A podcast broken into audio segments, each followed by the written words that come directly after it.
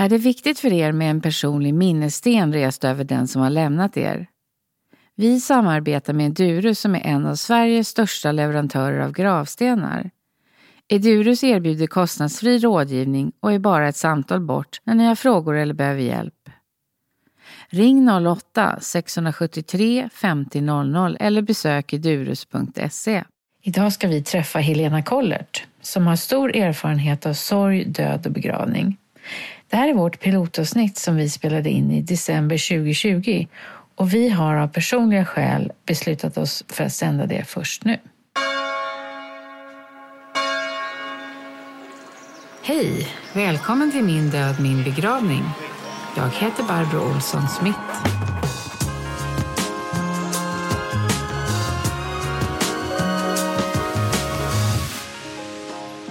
Välkommen Helena Kollert, regissör och skådespelare.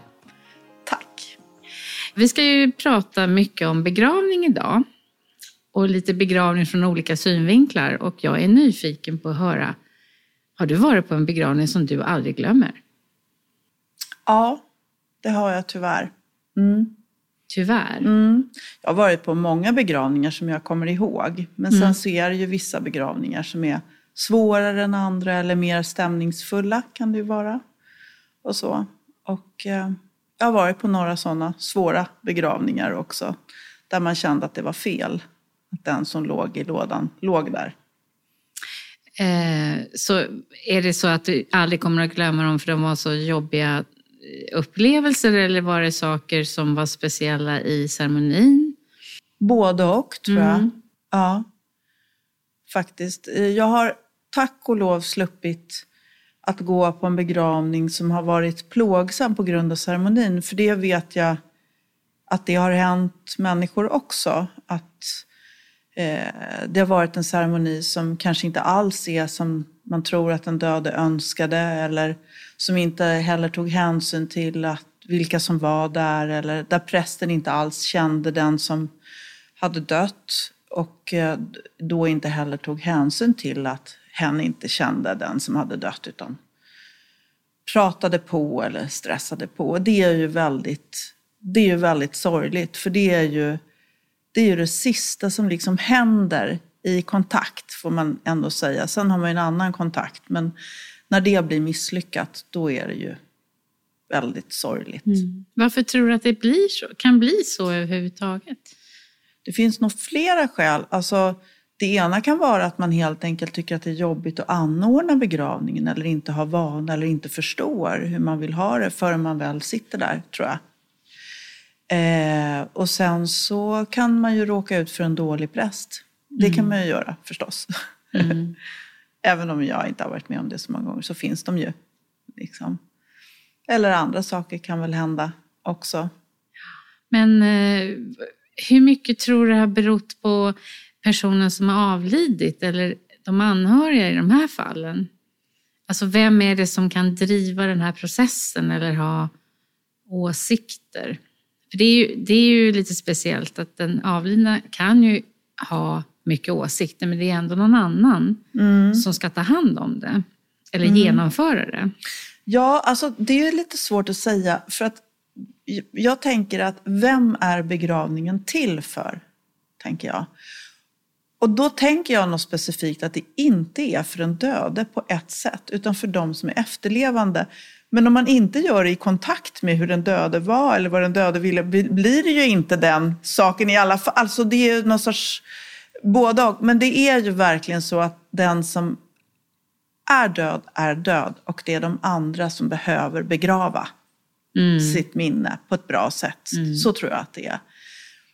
Men jag har ju folk i min närhet som är väldigt, väldigt liksom tydliga med vissa saker. Eh, hur det ska vara efteråt, vad man ska äta och eh, sådär. Jag tycker det är lite fint också. Jag kan tänka att det är någonting med att man vill styra lite efter döden. Men samtidigt så kommer det naturligtvis vara massa beslut som man ändå aldrig kan fråga den personen som har avlidit. Nej.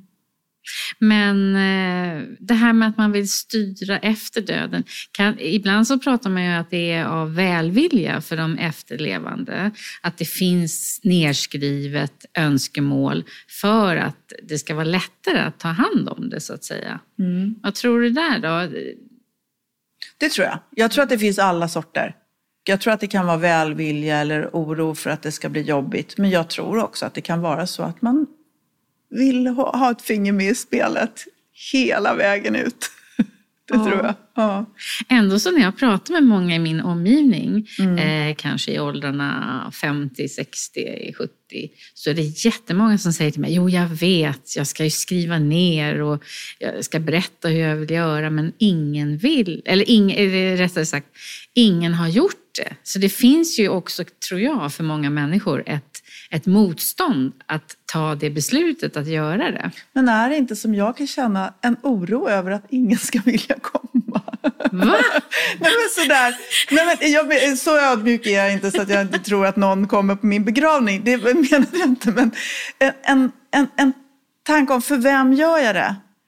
Om jag nu är regissör och skådespelare så vet ju jag för min publik vad jag serverar. Jag vet ju vilka som ska komma ungefär eller så. Jag vet.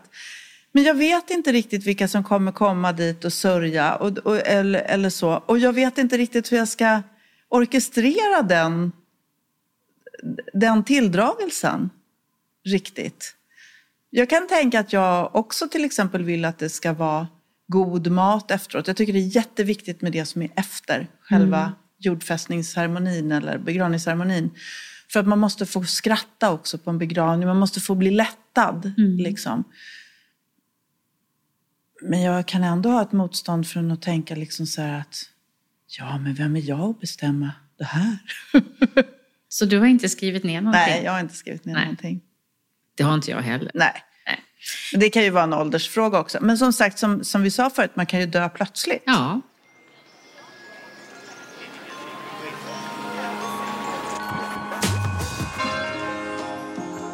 Men vad intressant att du sa det här med efteråt, för jag tror att eh, minnesstunden efter själva akten kommer att, att, att bli viktigare och viktigare. Mm. Eh, först för att vi får prata med någon annan om det. Eh, det blir en ledigare, det är en ledigare miljö att sitta kring mat och prata än att vara kanske i en kyrka eller i en annan sal eller någon annan miljö som själva eh, begravningen har varit i. Och där behöver man inte vara rädd för, ska jag stå eller sitta just nu eller ska jag gå runt, åt vilket håll ska jag gå? Jag tänker bara på många av de här osäkerhetssituationerna vi har i mm. själva ritualen mm. Eh, under begravningen. Mm. Om den är i en kyrklig miljö till exempel. Eh, det finns vissa protokoll på hur man ska agera. Ehm, att man sitter och funderar mycket på de sakerna, men i en, i en situation där du ja, fikar eller äter middag eller eftermiddagslunch eller vad det nu är mm. tillsammans så har du ju en helt annan chans att, att samverka med andra. Ja, men det är också så att då har man också en gemensam upplevelse som alla har gått igenom. Man har visat någonting eh, glatt, sorgligt, smärtsamt för varandra och efter det så brukar man ju också få en gemenskap.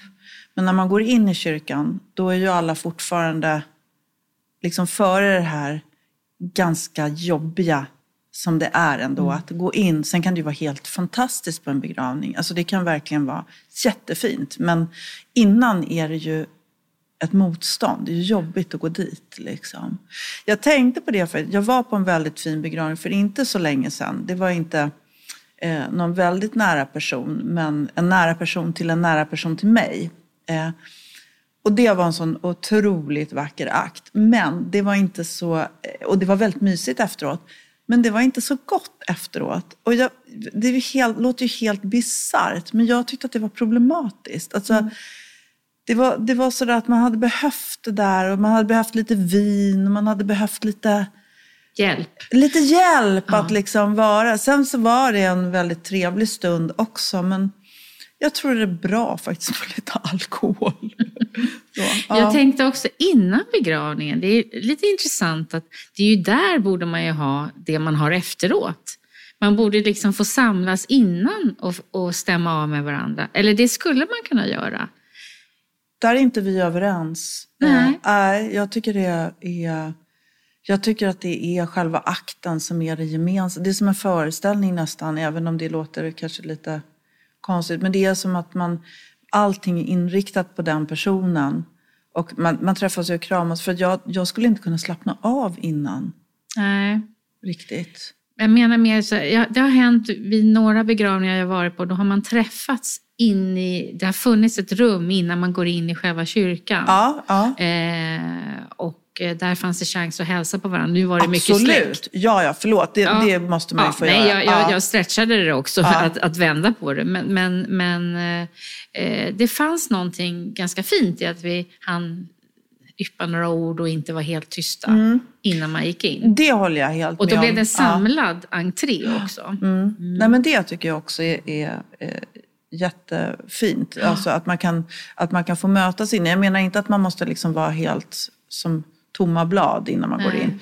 Men, men jag skulle inte kunna tänka mig att ta ett glas vin och äta en macka innan. Alltså Nej, det, nej. det skulle kännas väldigt jobbigt. Eh, men det du talar om är, visar ju också att alla detaljer är viktiga. Mm, det tror jag. Om akten är jätte, ja men precis som i en, i en teateruppsättning eller i en, ett event eller vad det än är, så är det ju alla detaljer bygger liksom helheten.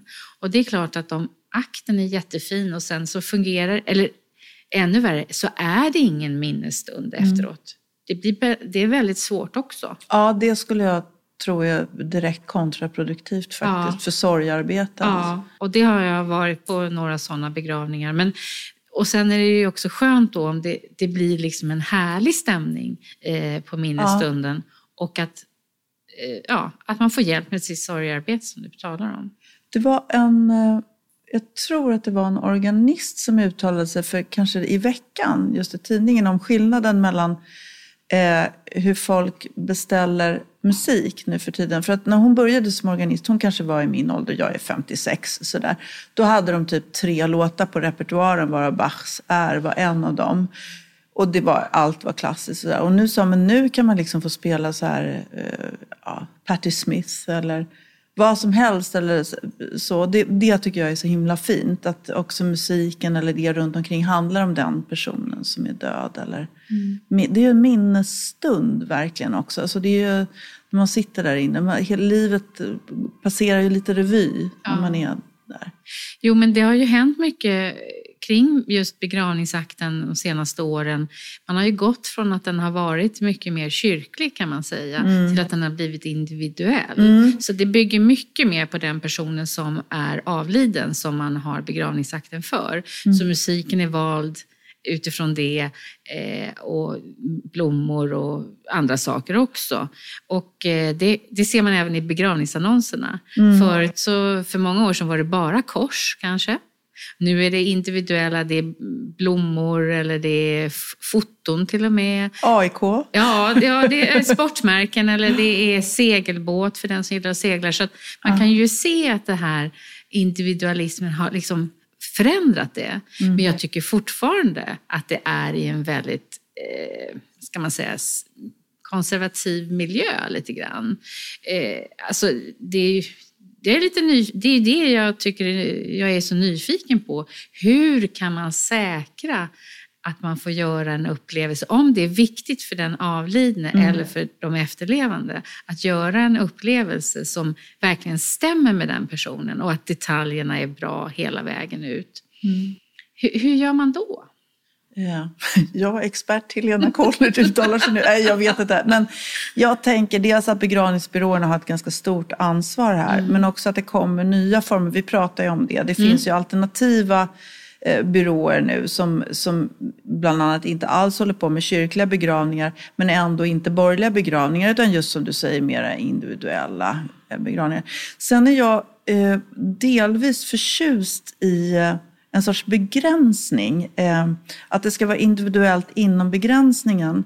Eh, det är inte för att jag inte tycker att det är härligt att man får göra som man vill utan det, eh, det är härligt att ha någonting att förhålla sig till också när man är förvirrad. Alltså, ofta när det sker ett dödsfall eh, och särskilt om det är efter lång sjukdom eller ett självmord eller något som är väldigt, väldigt dramatiskt så blir de efterlevande helt mm. förvirrade. Alltså, några blir rationella och fixar det, men många gör ju inte det. Mm. De tycker ju att det är förfärligt. Så de behöver ju också stoppas i en form. Nu måste du skicka in det här till tidningen. Nu måste du göra. Det är också en trygghet att ha det där. Men det får ju naturligtvis inte bli ett sätt att liksom hindra människan från att skapa en begravning som är bra eller mm. personlig. Mm. Men det är inte helt fel. Att om det är så här, du kan göra som du vill, så tänker jag att många bara liksom, vad ska jag göra? Jag, blir helt, jag vill bara lägga mig ner och dö själv. Tror jag många. Nej, men verkligen. Mm. Men när man sörjer, det är ju tungt att sörja. Ja. Det är ju förfärligt alltså. Och begravningen är ju ett sätt att komma över första perioden av sitt kaotiska sorgarbete. Mm. Liksom. Så jag tycker att det både är bra att det får vara individuellt, men också, jag är jätteglad till exempel att begravningsannonserna inte står på alla sidor i tidningen, bara lite, för jag vill vara på kultursidan. liksom. nej, men, nej, men, alltså, jag tycker att det också är någonting så här, så, man, så att man kan läsa vilka har dött. Mm. Alltså, så, så att det finns en, en sorts möjlighet att ta till sig, för det är också, det är ju inte alltid alla kan gå på en begravning eller ens få veta att någon har dött. Nej, och det, ja. det är väl det som vi upplever nu i och med att många inte har sin papperstidning. Ja. Så är de flesta dödsbud kommer ju genom Facebook. Ja. Och, eh, eller genom gemensamma vänner och så. Så då kan man ju också säga att då är det liksom Facebooks eh, look and feel som mm. bestämmer. Mm. Och det är ju ganska smärtsamt måste ja. jag säga.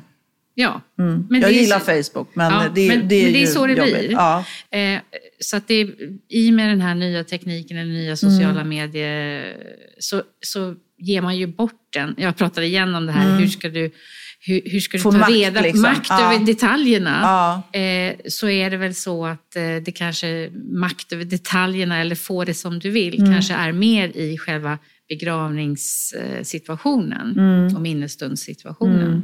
än just nu i annonssituation. Mm. Ja, ja, precis. Ja. Där är det inte så möjligt. Men det, åh, det var något jätte... Jo, men där tänkte jag också på corona nu när det är så konstigt allting. Som, ja, vi, vi ska ju inte prata så mycket om det, men där är också är så att folk dör som, in, som verkligen inte skulle ha dött. Alltså mm. det är inte ens... Det är mer än oväntat. Det bara... Mm. Det blev liksom för tidigt och för många och för, mm. för fel på något sätt. Liksom. Och då blir det ju också en annan, en annan stämning i samhället. Det är mycket fokus just nu på begravningar och det är det enda just nu som får ha 20 personer och samla människor. Allting annat är åtta personer. Och det har väl blivit så också kan jag tänka att, att när man inte får ha en begravning som man brukar eller som man känner till den så kanske den blir mera eh, speciell så att mm. säga. Eh, och när du inte kan vara på plats och du ska se någonting genom video, precis som livet just nu ska ses genom video mm. hela tiden, mm. så är det ju lite speciellt. Mm. Eh, att eh, kanske begravningen i sig kommer att få mer fokus i människors medvetande mm. för sin framtida begravning eller för någon anhörigs begravning så kanske man börjar fundera mer på de sakerna än att bara skjuta det framför sig. Ja, jag tänker på det som vi pratade om när vi hördes innan eh, idag. Så tänkte jag på det här som Kristina Lugn sa, som, som är så himla roligt när hon säger jag tycker att vi tänker alldeles för lite på döden. Vi ska ju trots allt vara döda mycket längre än vad vi lever. Och det är så fint. Mm. Det är så fint. För att i andra delar av världen har man ju mycket större fokus på begravningar. Som till exempel Sydamerika där de har Day of the Dead i Mexiko och sådär. Och det, jag tycker det är så fint att man... Nu, jag gillar ju det här med halloween. Det är ju väldigt bespottat av framförallt folk i min generation och äldre därför att man tycker att det tar bort det här högtidliga och stämningsfulla med allhelgona. Jag tycker att det är, får vara både och. Mm. Jag, verkligen, jag älskar allhelgona, jag har faktiskt alltid gjort det. Men det, att det får vara fest, att man håller på med döden. Därför att vi är så bortvända, eller har varit så bortvända från döden. Och det är fortfarande så att jag märker att folk har svårt att hantera att, att man behöver prata med någon om, om någon nära har gått bort eller man behöver bli påmind om att det finns andra människor. Alltså det, det finns fortfarande en sån här stelhet i, mm. i luften när någon dör. Som är förfärlig. Det är, vi ska alla dö. Det är ju en av de få saker vi alla har gemensamt. Så det är ju faktiskt helt otroligt att det är så stiff. Och då gillar jag det här med att det plötsligt är skelett och man klär ut sig och man leker och skrattar omkring det. Och, jag tycker också att det är fantastiskt att gå på kyrkogården på alla helgon med alla ljusen och blommorna. Och, tänka på dem som ligger där. Liksom. Och varför är det bara en gång om året tänker jag när jag går ja, men Det är väl skönt. Men det är så vackert, det är så Ja. symbolik i det. Ja. Men jag tror att vi har under många år vänt oss bort från döden. Det är liksom, döden är sjukhuskliniskt, Mm. någon annan får ta hand om det. Begravningsentreprenören Mm. ska ta hand om det. Förut så kanske man dog i hemmet, man blev eh, omhändertagen av familjen, eh, man var nära som man kanske fortfarande är i många andra kulturer. Mm. Så jag tror ju att, att eh, jag hoppas att vi kommer att komma närmare det här och få fler verktyg i hur vi ska förhålla oss till döden, Mm. våga prata om det och kunna celeb- liksom, ja, celebration någonstans, att någon, eh, går, när någon går bort, att det är liksom, vi firar livet Mm. och inte bara den här ceremonin i kyrkan eller Nej. i en annan lokal. Nej, men jag håller med. Jag håller med och jag tycker att vi pratar för lite om det. Jag tycker att det skulle göras, jag som är i konstnärsvärlden, det görs ju ibland försök att prata om döden eller göra eh, saker. Sissela Kyle gjorde en väldigt rolig eh, kabaré för ganska länge sedan som hette typ Döden bara. Men hon pratade nästan inget om döden. För att hon kom inte på vad hon skulle göra för roligt om det. Så hon slutade hela showen med att säga, ja vi ska alla dö, hej då. det var också väldigt kul. Men, men jag tänker att det finns någonting i det där som är... Eh, ja, att det finns outforskat material helt enkelt. Hur vi Ja. känner inför det och kanske att det skulle bli lättare att leva.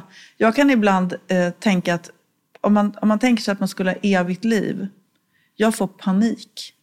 Alltså så fruktansvärt det skulle vara om man hade evigt liv och behöva om och om, om igen göra allting. Liksom aldrig få dö, aldrig få försvinna. Att det, att det, det, det är som att äta godis varje dag i veckan på något sätt. Att det, det, det, livet får också sin mening genom att det är ändligt. Ja, och jag tror att vi pratar om livet i alla fall. Vi pratar om livet, men vi, vi pratar inte om livet i tvillingen eh, döden. Nej, Och jag tror att de båda behöver varandra för att man ska uppskatta det och förstå det och sådana saker. Så att det är precis som du säger, det, jag tycker det finns en, det är outforskat.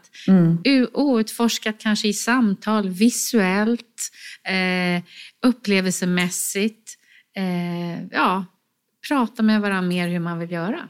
Och där tror jag faktiskt att det finns eh, en koppling till varför religion finns. För i religionen har man alltid pratat om döden. Där har det varit väldigt påtagligt hela tiden. Sen också så förr i världen, när Sverige var ett fattigare land så dog vi tidigare. Alltså vi hade döden mycket mer runt omkring oss. Vi, eh, det, det var som du säger, dels i familjen men också då dog ju barn och liksom unga människor hela tiden. Och sjukdomar eller, eller så. Men att man också gick en gång i veckan, alla gick en gång i veckan i kyrkan. Och fick höra antingen och fick höra antingen att man skulle bli räddad av Gud eller att man skulle brinna i helvetet. Alltså, det, det, det, det, fanns, det fanns ett prat kring döden. Sådär.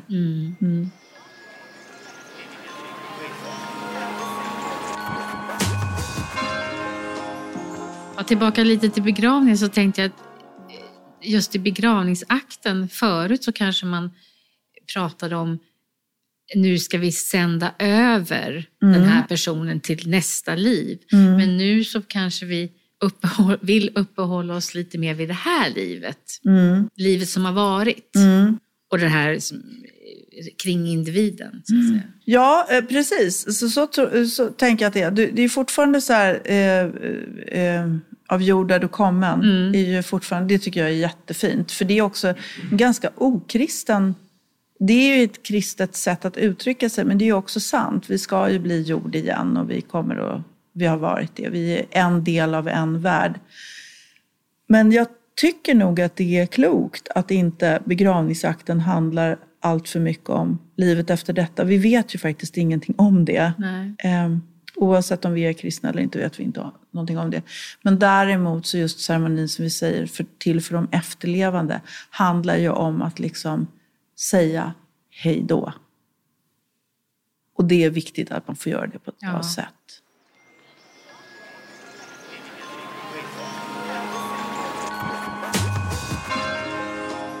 Finns ju en del nya satsningar eh, på det här att man vill begravas i skogen eller man vill spridas i vatten. Ja, det har vi känt till. Men alltså, det, jag tror att det kommer att finnas fler och fler som vill tillbaka till naturen eh, som kanske inte ens då går via, via kyrkan så att säga. Mm. Vad tror du om det? Alltså... Eh, både och. För att det är nämligen så att kroppen förmultnas inte alls så snabbt som man tror. Ett skelett tar, kan ta upp till tusen år innan det försvinner. Så jag tycker att det skulle vara lite jobbigt om det lite random låg lite lik i skogen. Ja, nej, det här, det här, är, det här är planerade sådana kyrkogårdar. Ja, alltså, ja, ja, men det är ju helt okej. Okay. Ja. Och spridas i vatten är ju oproblematiskt mm. för då är man ju mm, mm. kremerad. Mm. Sådär. Eh, men annars tycker jag det är bra. Jag tycker det är jättefint. Jag vet inte själv faktiskt om jag vill ligga på en kyrkogård. Jag tycker ju om att det finns en plats. Vi har ju gravstenar till några av våra anhöriga. Mm. Och det är härligt att gå dit och prata med dem, tycker jag. Mm. Eh, men eh, jag vet inte riktigt själv hur jag känner med det. För det är ju också ett, ett, jag tycker om det, men det är också kravfyllt med en sten. Den ska skötas om, man ska gå dit, man får dåligt samvete om man mm. inte går dit. Medan en minneslund till exempel kan man gå förbi och bara tända ett ljus eller var man än är. Mm. Minneslundarna, man kan ju gå till minneslunden i Stockholm för någon som har dött i Örebro. Liksom. Ja. Mm. För en del, ja, det finns ju lite så hållbarhetstänk kring det här. Och jag menar, hur ska vi mm vi kanske inte får plats fler eh, gravsättningar på många kyrkogårdar där det är många som eh, kremeras. Mm. Till och med nu också så kremerar man direkt och sen så har man en ceremoni med urna. Mm. Så det håller ju på att förändra, mm. eh, förändras med det. Eh, har du varit på någon sån urnbegravning? Eh, jag har inte, ja, det, vet, det, vet jag ju inte, för då är väl urnan i kistan, tänker jag. Nej, Eller, man, nej. man kremerar först ja. och sen så är askan i urnan och sen står urnan där kistan stod i kyrkan. Ja, och då tänker jag att det där är väl jättebra, fast jag skulle nog inte vilja ha det så. Nej. För att jag tänker att det ändå är den döda kroppen som man får, alltså man får ta farväl. Jag är ju nästan lite för öppen kista, fast jag, fast jag inte är det ändå. Men jag, jag förstår den grejen, att få liksom se den döde innan. För att det är någonting med att, ofta dör ju någon på sjukhus. Eller ja. liksom, man, man, det blir som att det bara blir luft. Och jag skulle tycka det var jättejobbigt om det stod en urna där. Istället för, för det, det är ja. större, fler och fler som gör så. Ja, och jag har inget emot, alltså jag tycker det får man ju verkligen välja om man vill. Men för mig är kistan att jag åtminstone kan fantisera om en kropp eller en människa som ligger där. Ja. Som jag kan få liksom känna. För det, ja. Men jag har varit på en begravning mm. med öppen kista och det var fantastiskt. Mm. Eh, det var en ung person mm. och det var i Skottland och vi gick över liksom heden. Liksom. Ja. Gick och gick och bar ett stort gäng, bar den här kistan. Och sen fick alla vara med och eh, skyffla igen graven med ja. jord. Det var väldigt, väldigt speciellt. Eh, och innan dess fick vi också plocka, sätta ner personliga saker i mm. graven som var, alltså i kistan som var öppen. Mm. Så man skickade med eh, radion med speciellt program, påslagen och sådana mm. saker. Det var, det var en väldigt personlig begravning. Mm. Och man höll, vi höll händer, gjorde ringar och sådär. Eh, det är nog inte så vanligt. Och sen planterades det träd och sådär. Och begravningsentreprenörerna de fick stå 200 meter bort. Jag vet inte varför, men eh, föräldrarna ville inte ha dem med. De kanske inte hade varit så bra. Nej, jag vet inte. Det finns men, bra och dåliga eh, begravningsentreprenörer. Men det är ju en begravning som jag aldrig glömmer. Nej, såklart. Det låter ju helt fantastiskt. Och ett ideal om man kan komma överens och alla ja. är sams. Ja. För det ska man ju också komma ihåg att det kan ju finnas stridigheter när någon begravs. Det är ju väldigt smärtsamt eh, när det gör det. Eh, och det är väl också i de fallen som det kan vara lättare med en begravningsentreprenör som kan hjälpa till att få var och ens behov tillgodosett. Mm. Att det inte blir en kamp Utan eh, något där alla kan känna att de får säga farväl.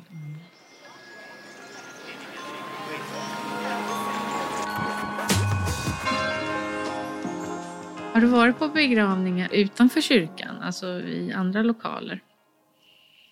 Jag har varit på icke-kristna begravningar, Mm. men jag tror inte att jag har varit i någon annan lokal faktiskt. Har de varit i kyrkan? Ja, eller i något kapell. Ja, Eh, just det. Ja, Ja, så, gör, så är det ja. Mm. eh, så, så att det var inte på ett liksom, annat ställe, men, men det var helt okristen begravning. Mm. Och det var inte heller en präst som pratade i kapellet, utan bara vänner och släkt och sådär. Det kanske var någon präst som höll i det bara rent formellt. Officiant. Ja, officiant typ. ja, men, ja. ja, det, det var jättefint. Mm. Men då gäller det att familjen klarar av att göra det själv, så att Ja. säga. Det var, det var, det, precis, det, då måste det ju vara sådär så att det känns liksom okej Mm. att stå upp och prata i det läget. Men vad är det viktigaste vid en begravning? Är det att man säger ofta att det var fint? Nej men det är väl olika. Alltså det beror väl på vem som är där. Ja. Det, det kan väl vara musiken eller vem som pratar eller hur prästen pratade eller blommorna eller det var massor med saker. Mm. Eller hur det var att träffa de andra. Eller, jag, jag, jag tänker att det är det som är det individuella. Att en begravning som är fantastisk för den här skotska flickan som du berättade Mm. kanske hade varit en katastrof för någon annan. Som verkligen det hade varit så fel. Liksom. Mm. Men, men annars så tänker jag verkligen att det är Alltså att man ska, känna, man ska känna på begravningen att det är människan som ligger i kistan. Man ska få den känslan, man ska få de minnena, man ska uppleva det. Och är det då så att det inte är de här konflikterna, eller det behöver det ju verkligen inte vara, då känner alla det om det blir rätt. Då känner man det. Hej då, säger man då. Då är det klart. Mm. Men då är det detaljerna, alla saker ska Ja, samspela. Ja, om jag det- kommer tillbaka jag. till Ja. de- detaljerna. Ja, det är detaljerna. Men de individuella, det går inte att säga. För någon person som avskyr musik är kanske inte musiken det viktigaste. Och en del bryr sig inte om blommorna och en del tycker du pratar bara om blommorna. Ja, eller hur? Ja, men jag tänker att, att det, det, alltså, där är det väl så att ceremonin ska påminna om just den som ligger i kistan. Man ska känna att de blommorna som är där handlar om att, dels de som har skickat dem, men också att det är till den människan som är där. Att det, att det är varmt, att det är kontakt, tänker jag. Och det känns ju viktigt att det liksom blir det där. Och det tycker jag själv inte att jag alltid känner. Och det är det jag tycker är intressant. Hur, hur förmedlar man, hur får man att hjälp, någon att hjälpa till att förmedla den känslan? Och då blir det ju, är det en individs eh, åsikt, en efterlevandes åsikt om en person, om den här personen?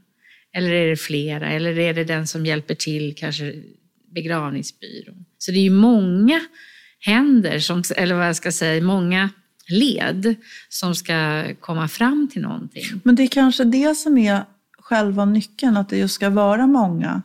Så att man får en, ett prisma och inte en enskild person som bestämmer allting. Och sen så behöver det inte vara perfekt. Det tänker jag är viktigt också. Att det perfekta inte är det bästa. Man, man planerar alltid för det perfekta, men det är också felen och bristerna som är det som blir vackert. Att något gick fel, någon blomma gick av eller någon sjöng fel. Eller, alltså att det, det behöver inte vara perfekt, det ska vara varmt. och Det ska vara innerligt och det ska vara ett försök att liksom komma nära. Och det tror jag är den stämningen som är viktigare än att det blir så här, oh, wow, och den där blå hatten som kom där. Alltså det, det, tror, det, då blir det mode eller liksom reklam. Alltså det måste vara, det, det ska vara ett försök till kontakt på något sätt. Ja, det är bra. Försök till kontakt. För, det, för vad är en perfekt begravning? Det är en jävla skittillställning också. Eller liksom. Ja. Nej, men det, det behöver inte vara en perfekt. Jag Nej. tycker det personligt. Jag menar att det, Mm, jag tycker jag det är viktigt att fler får... Ja, men om man är en person som inte ordnar så mycket fester eller Mm. tillställningar, då är man ju liksom i, i händerna på att någon annan ska kunna översätta det Håller man vill. helt med. Ja. Eh, eller är man, en, är man flera som tycker olika saker kanske det är svårt att få fram det. Ja, nej, men det finns, Mm. jag tycker bara det, det, det är lite mer sådär om man pratar om bröllopet, Mm. då är ju huvudpersonerna med och bestämmer. Eller hur? Ja. Ja, Förhoppningsvis i alla fall. Det händer ju att familjen Ja. tar över. Men hur, hur ser man det då här? För det här är ju ett överlämnande till någon, Mm. någon annan. Det är skillnad. ja, det är stor skillnad och det kanske måste vara det. Men det som jag tänker att det också finns ett ansvar från den som dör att om du inte säger någonting eller påpekar någonting, då, då får vi göra det vi tror. Mm. också. Att eh, man måste... Och man kan också säga, jag vet inte, ni måste bestämma. Jag, jag vet, alltså det är okej. Men att eh,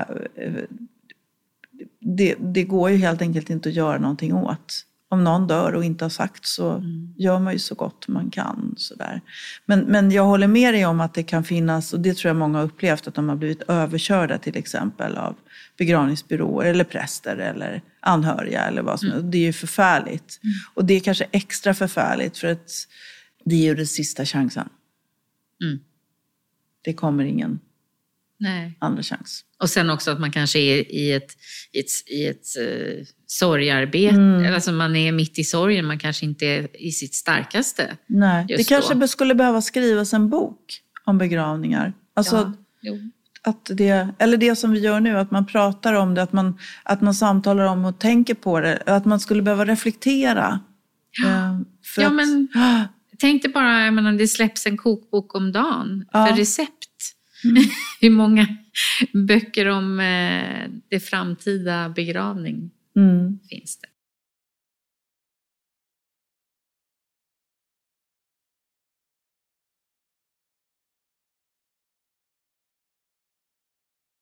Jag tycker det är viktigt att man inte ska vara i bara lokalens hem. Alltså om vi säger att vi nu är i en kyrkomiljö, då tar ju faktiskt den miljön upp väldigt mycket av eh, det man ser. Mm.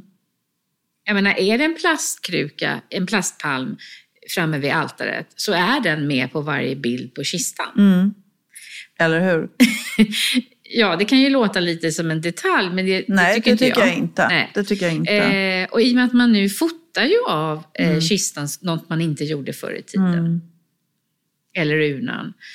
Så att det finns ju, det finns ju, ja, och som vi har pratat om förut också, hur ser musikanläggningen ut i kyrkor? Mm. Är den den bästa? Kommer du att höra din favoritlåt Mm. i den bästa högtalaren?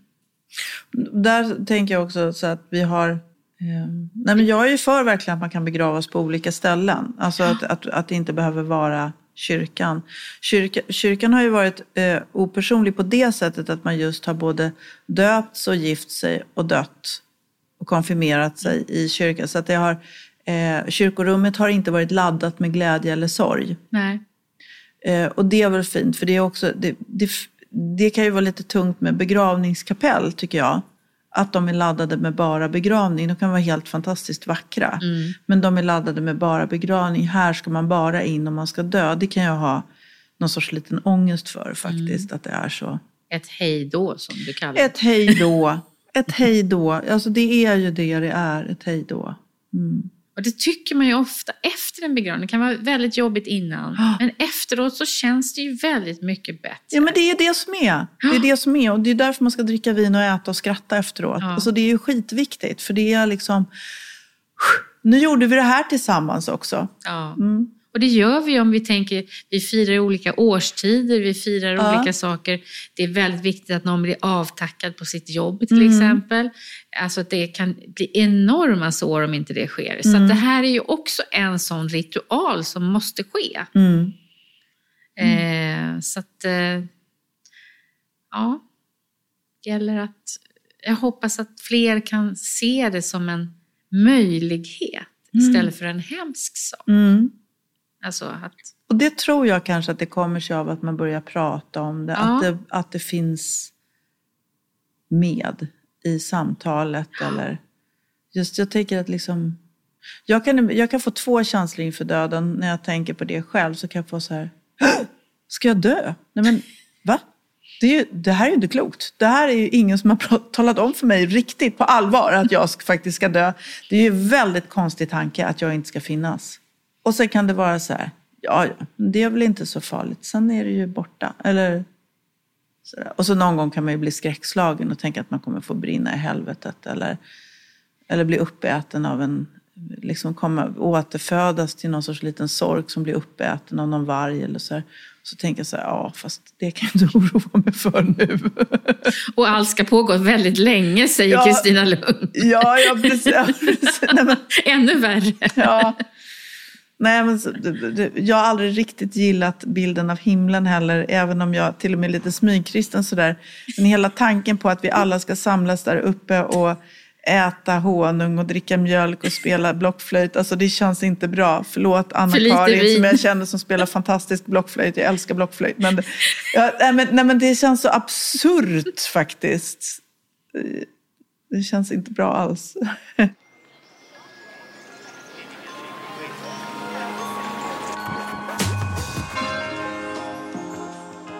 Du sa ju förut att du inte hade mm, tänkt eller bestämt och skrivit ner så mycket om din egen begravning. Nej. Är det liksom ganska dubbelt allting? Du, så här, du, har du funderat, ja, men, du funderar kanske på maten, att det är viktigt i alla fall. Mm. Men, men det är inte så att du har lite spridda tankar? Jo, jag kan nog tänka på det. Jag kan, ja. jag kan nog tänka på det sådär. Det kan flyga över mig hur jag vill ha det och undra när och, och liksom, hur ska det bli och vilka kommer då komma. Och, kommer jag vara jättegammal eller kommer jag vara ung? Eller, mm. alltså, man vet ju inte heller. Det är ju väldigt svårt att säga. Um, och då kan jag tänka på musik som jag skulle vilja eller vem som skulle spela eller vem som skulle sjunga eller just vad man skulle äta. Och om jag, jag har tänkt mycket på om jag vill bli just kistbegravd eller så, och jag tror verkligen att jag vill bli kremerad. Det har jag tänkt på. Mm. För att jag har lite klaustrofobi. Jag tycker det är väldigt obehagligt med tanken på att jag skulle ligga i en kista under marken och det öses jord över mig. Alltså jag gillar inte alls det. Jag tror mera på jag kan nog tänka mig en urna som sänks ner eller, eller sådär. Jag märker ju nu när vi pratar att vi, ja, temat är ju begravning, men det, begravningen, man faller ju hela tiden tillbaka på att det handlar om döden Det handlar och livet. om döden ja. och livet. Det gör det och jag tror att det är viktigt och det är just därför som det också, för att det, om man tittar på till exempel giftermål, som ju är en annan typ av liksom ceremoni, mm. som är väldigt, så handlar ju det, det här handlar också om kärlek, men då handlar det ju om en glädje och en framtidsplanering. Ja. Det här handlar inte om en framtidsplanering, det här handlar om ett hejdå. Av avsked. Och, och, ja, mm. ett avsked. Och, det är, och ett evigt avsked. Mm. Inte vi kanske ses om två år. Liksom. Mm. Men det är därför jag tycker det är så viktigt. Mm, ja. Att vi kommer närmare begravningen, ja. att vi förstår den lite mer att den inte bara ska göras för att den måste oåterkallig. Liksom. Alltså att vi måste... Kan du känna att det, det, det, är en fråga verkligen, kan du känna att det skulle kunna finnas en lust till att ordna begravningen ja. istället? Ja. ja, att ordna någonting så fint och på mm. flera nivåer. Um, om, som om man skulle ordna en fest mm. för den personen. Mm. Ja, då tycker jag det. Jag mm. tycker att jag tycker inte det är okej att för en viss person att liksom vara ett standard eh, A4-papper med sånger på. Nej. Nej. Och det, för vissa är det helt, det spelar ingen roll, de märker kanske inte skillnad. Men jag tror ju alltid att man märker skillnad. Mm. Alltså man märker ju när det är omsorg mm. och care. Liksom, mm. Om någon har tagit hand om någon. Det är klart man märker det. Precis som du går på en middag. Jag brukar ta det som, som eh, exempel. Mm. Går du på en middag där, där världen har liksom tagit hand om att det ska vara mysigt och de ska få något att dricka när de kommer och det ska mm. bli mat och det finns någonstans att hänga sina kläder och mm. det finns tvål på toalett. Alltså, mm. okej, okay, man kan känna som standard men det är kanske lite mer då, lite blommor, lite ljus. Mm. Och det är ju samma sak här, att jag kan tycka att ibland kan man vara på en begravning som är jättefin och så kommer man till något litet hus som kyrkan har, där man bara ställer in lite mat. Mm.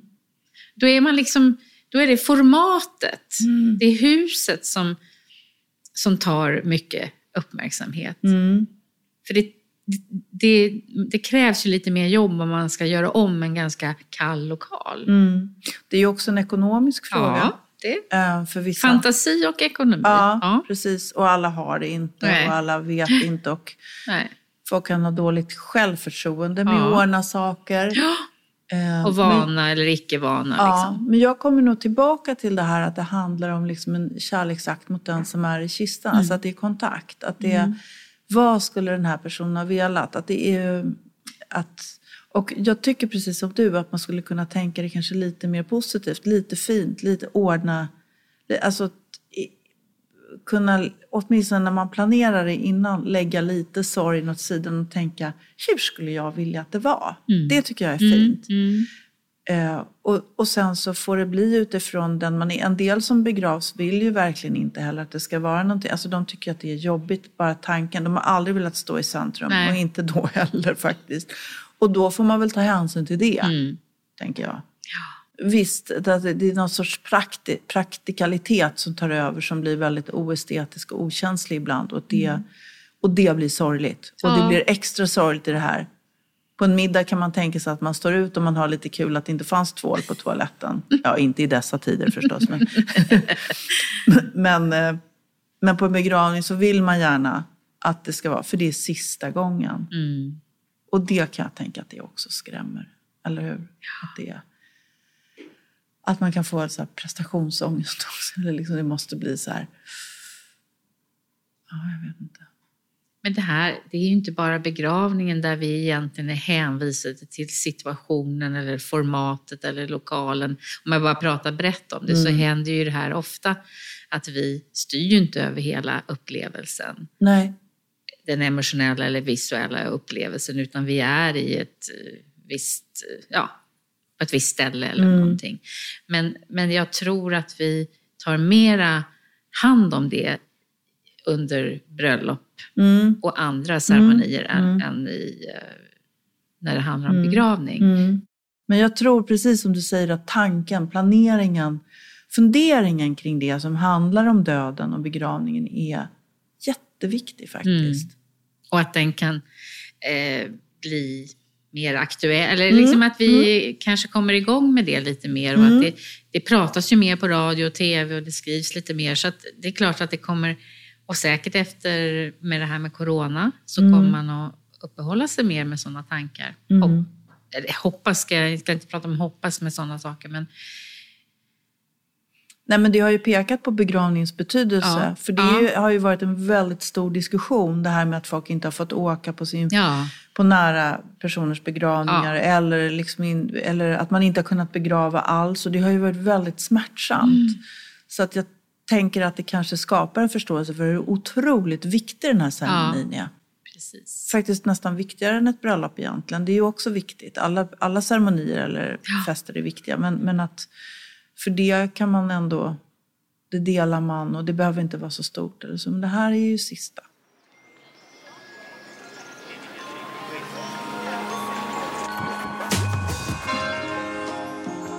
Men musik, ofta när man pratar med människor om, om eh, har du tänkt på din begravning? Och så här, jag vet vilken låt jag ska ha. Mm, jag tror det att det är väldigt, eh, väldigt mm, ja, viktigt och det är mm. lätt. Man kan tycka om en låt och så kan man säga att det här vill jag ha på min begravning. Mm. Det är lite svårare att säga att så här ska det se ut, för man vet ju ingenting om när Nej. och hit och dit. Så musik är ju också en fantastisk sak att ha mm. i den situationen. Mm. Musik är ju så stämningsskapande. Det är på det sättet, jag älskar alla konstarter, men det finns ingenting som musik som tar en så snabbt till en plats. Mm. Inte en bok, inte teater, inte, men just musik. Man är ju förflyttad på en millisekund. Dofter är ju samma också. Ja. Doft och musik. Liksom. Mm. Det kanske man skulle ha lite, doft, lite dofter på bröllop. Mm. och begravningar. Ja, på begravningar. Förlåt. Mm.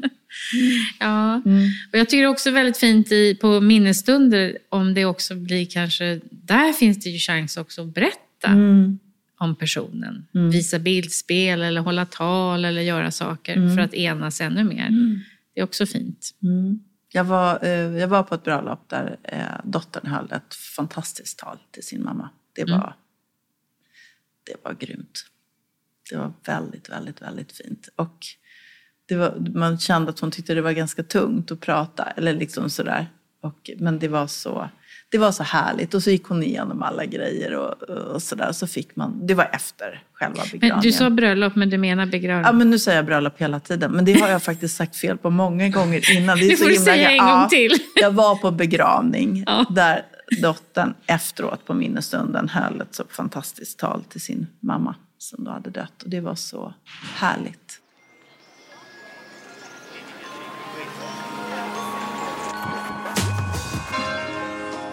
Har du varit på någon rolig begravning? Ehm, Jag var ju på den där skotska, äh, den var inte rolig. Den var bara individuell. Ja. Alltså den var personlig. Mm, jag, jag vet, det finns ett, ett klipp från när John Cleese läser på en begravning över... Nå, nu, nu skäms jag, jag kommer inte ihåg vem av det, en, en av hans kollegor. På riktigt? alltså? Ja, och han är väldigt rolig. Och hela, alla skrattar jättemycket i, in i kyrkan. Det är fantastiskt. Jaha. Jag kan försöka eh, hitta den och ge den till dig. Det var... Men det är för att det är dem då förstås. Jo, jo, jo. Men, Mm, det men, men det var ju också för, ja, men det var också för att han hade tyckt att det var roligt själv. Apropå att göra något som den i kistan hade tyckt om, Ja. tänker jag. För att han hade ju själv gillat att han hade skämtat på det sättet. Mm.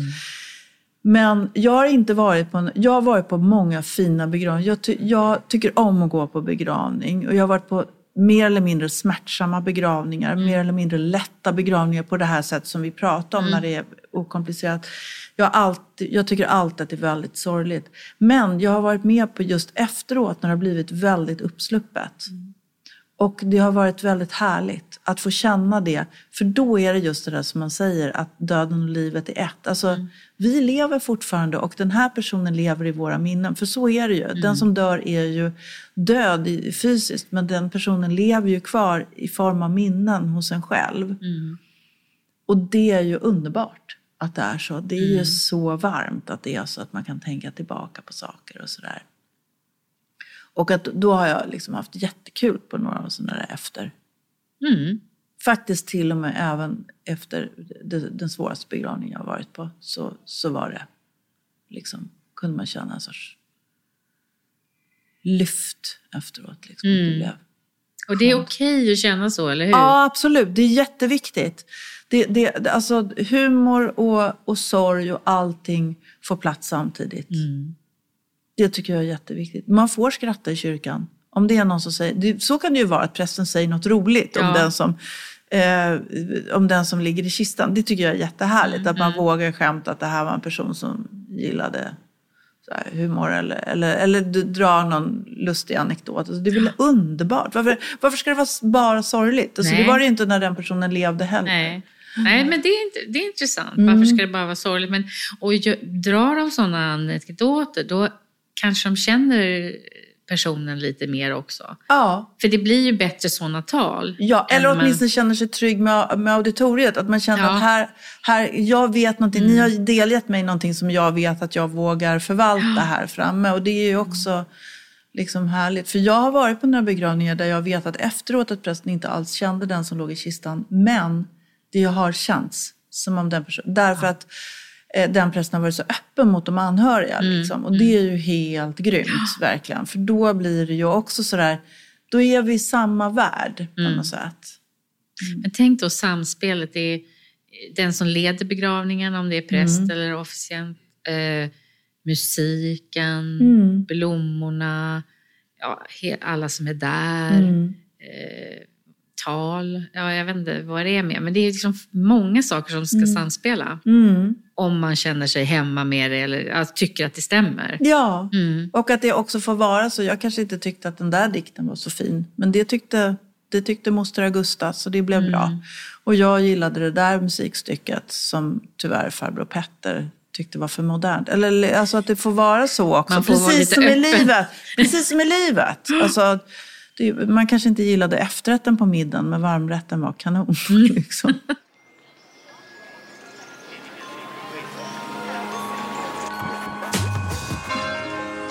Och sen en annan sak som jag har tänkt på nu när jag går på begravningar och man är få, om man är få i kyrkan och man sitter lite, just nu får man inte sitta så nära varandra och så ska man sjunga en psalm som man inte kan så väl och så Mm. blir det lite svajigt med liksom tonarterna hit och dit. Mm. Det blir inte den där gemenskapen, det Nej, saknar jag. Det, det, där tycker jag faktiskt att kyrkan har lämnat Ja. ganska mycket sitt, eh, sin församling. Det, det, det där med psalmsång kunde man skriva en, en lång bok om också. För att det, ofta ligger den i fel läge Ja. för de flesta. Så att man vet inte riktigt vem som ska passa och sjunga i den där tonarten. Och sen är det just man har valt en psalm som ingen kan och så är det något helt obegripligt ackompanjemang. Så till och med jag Av som är superduktig och läser noter bara "Åh, åh, vad händer?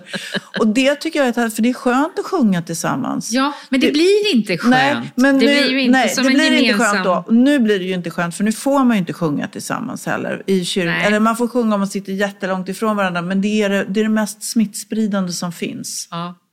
Så därför så vill man inte heller att folk ska sjunga tillsammans i kyrkan nu.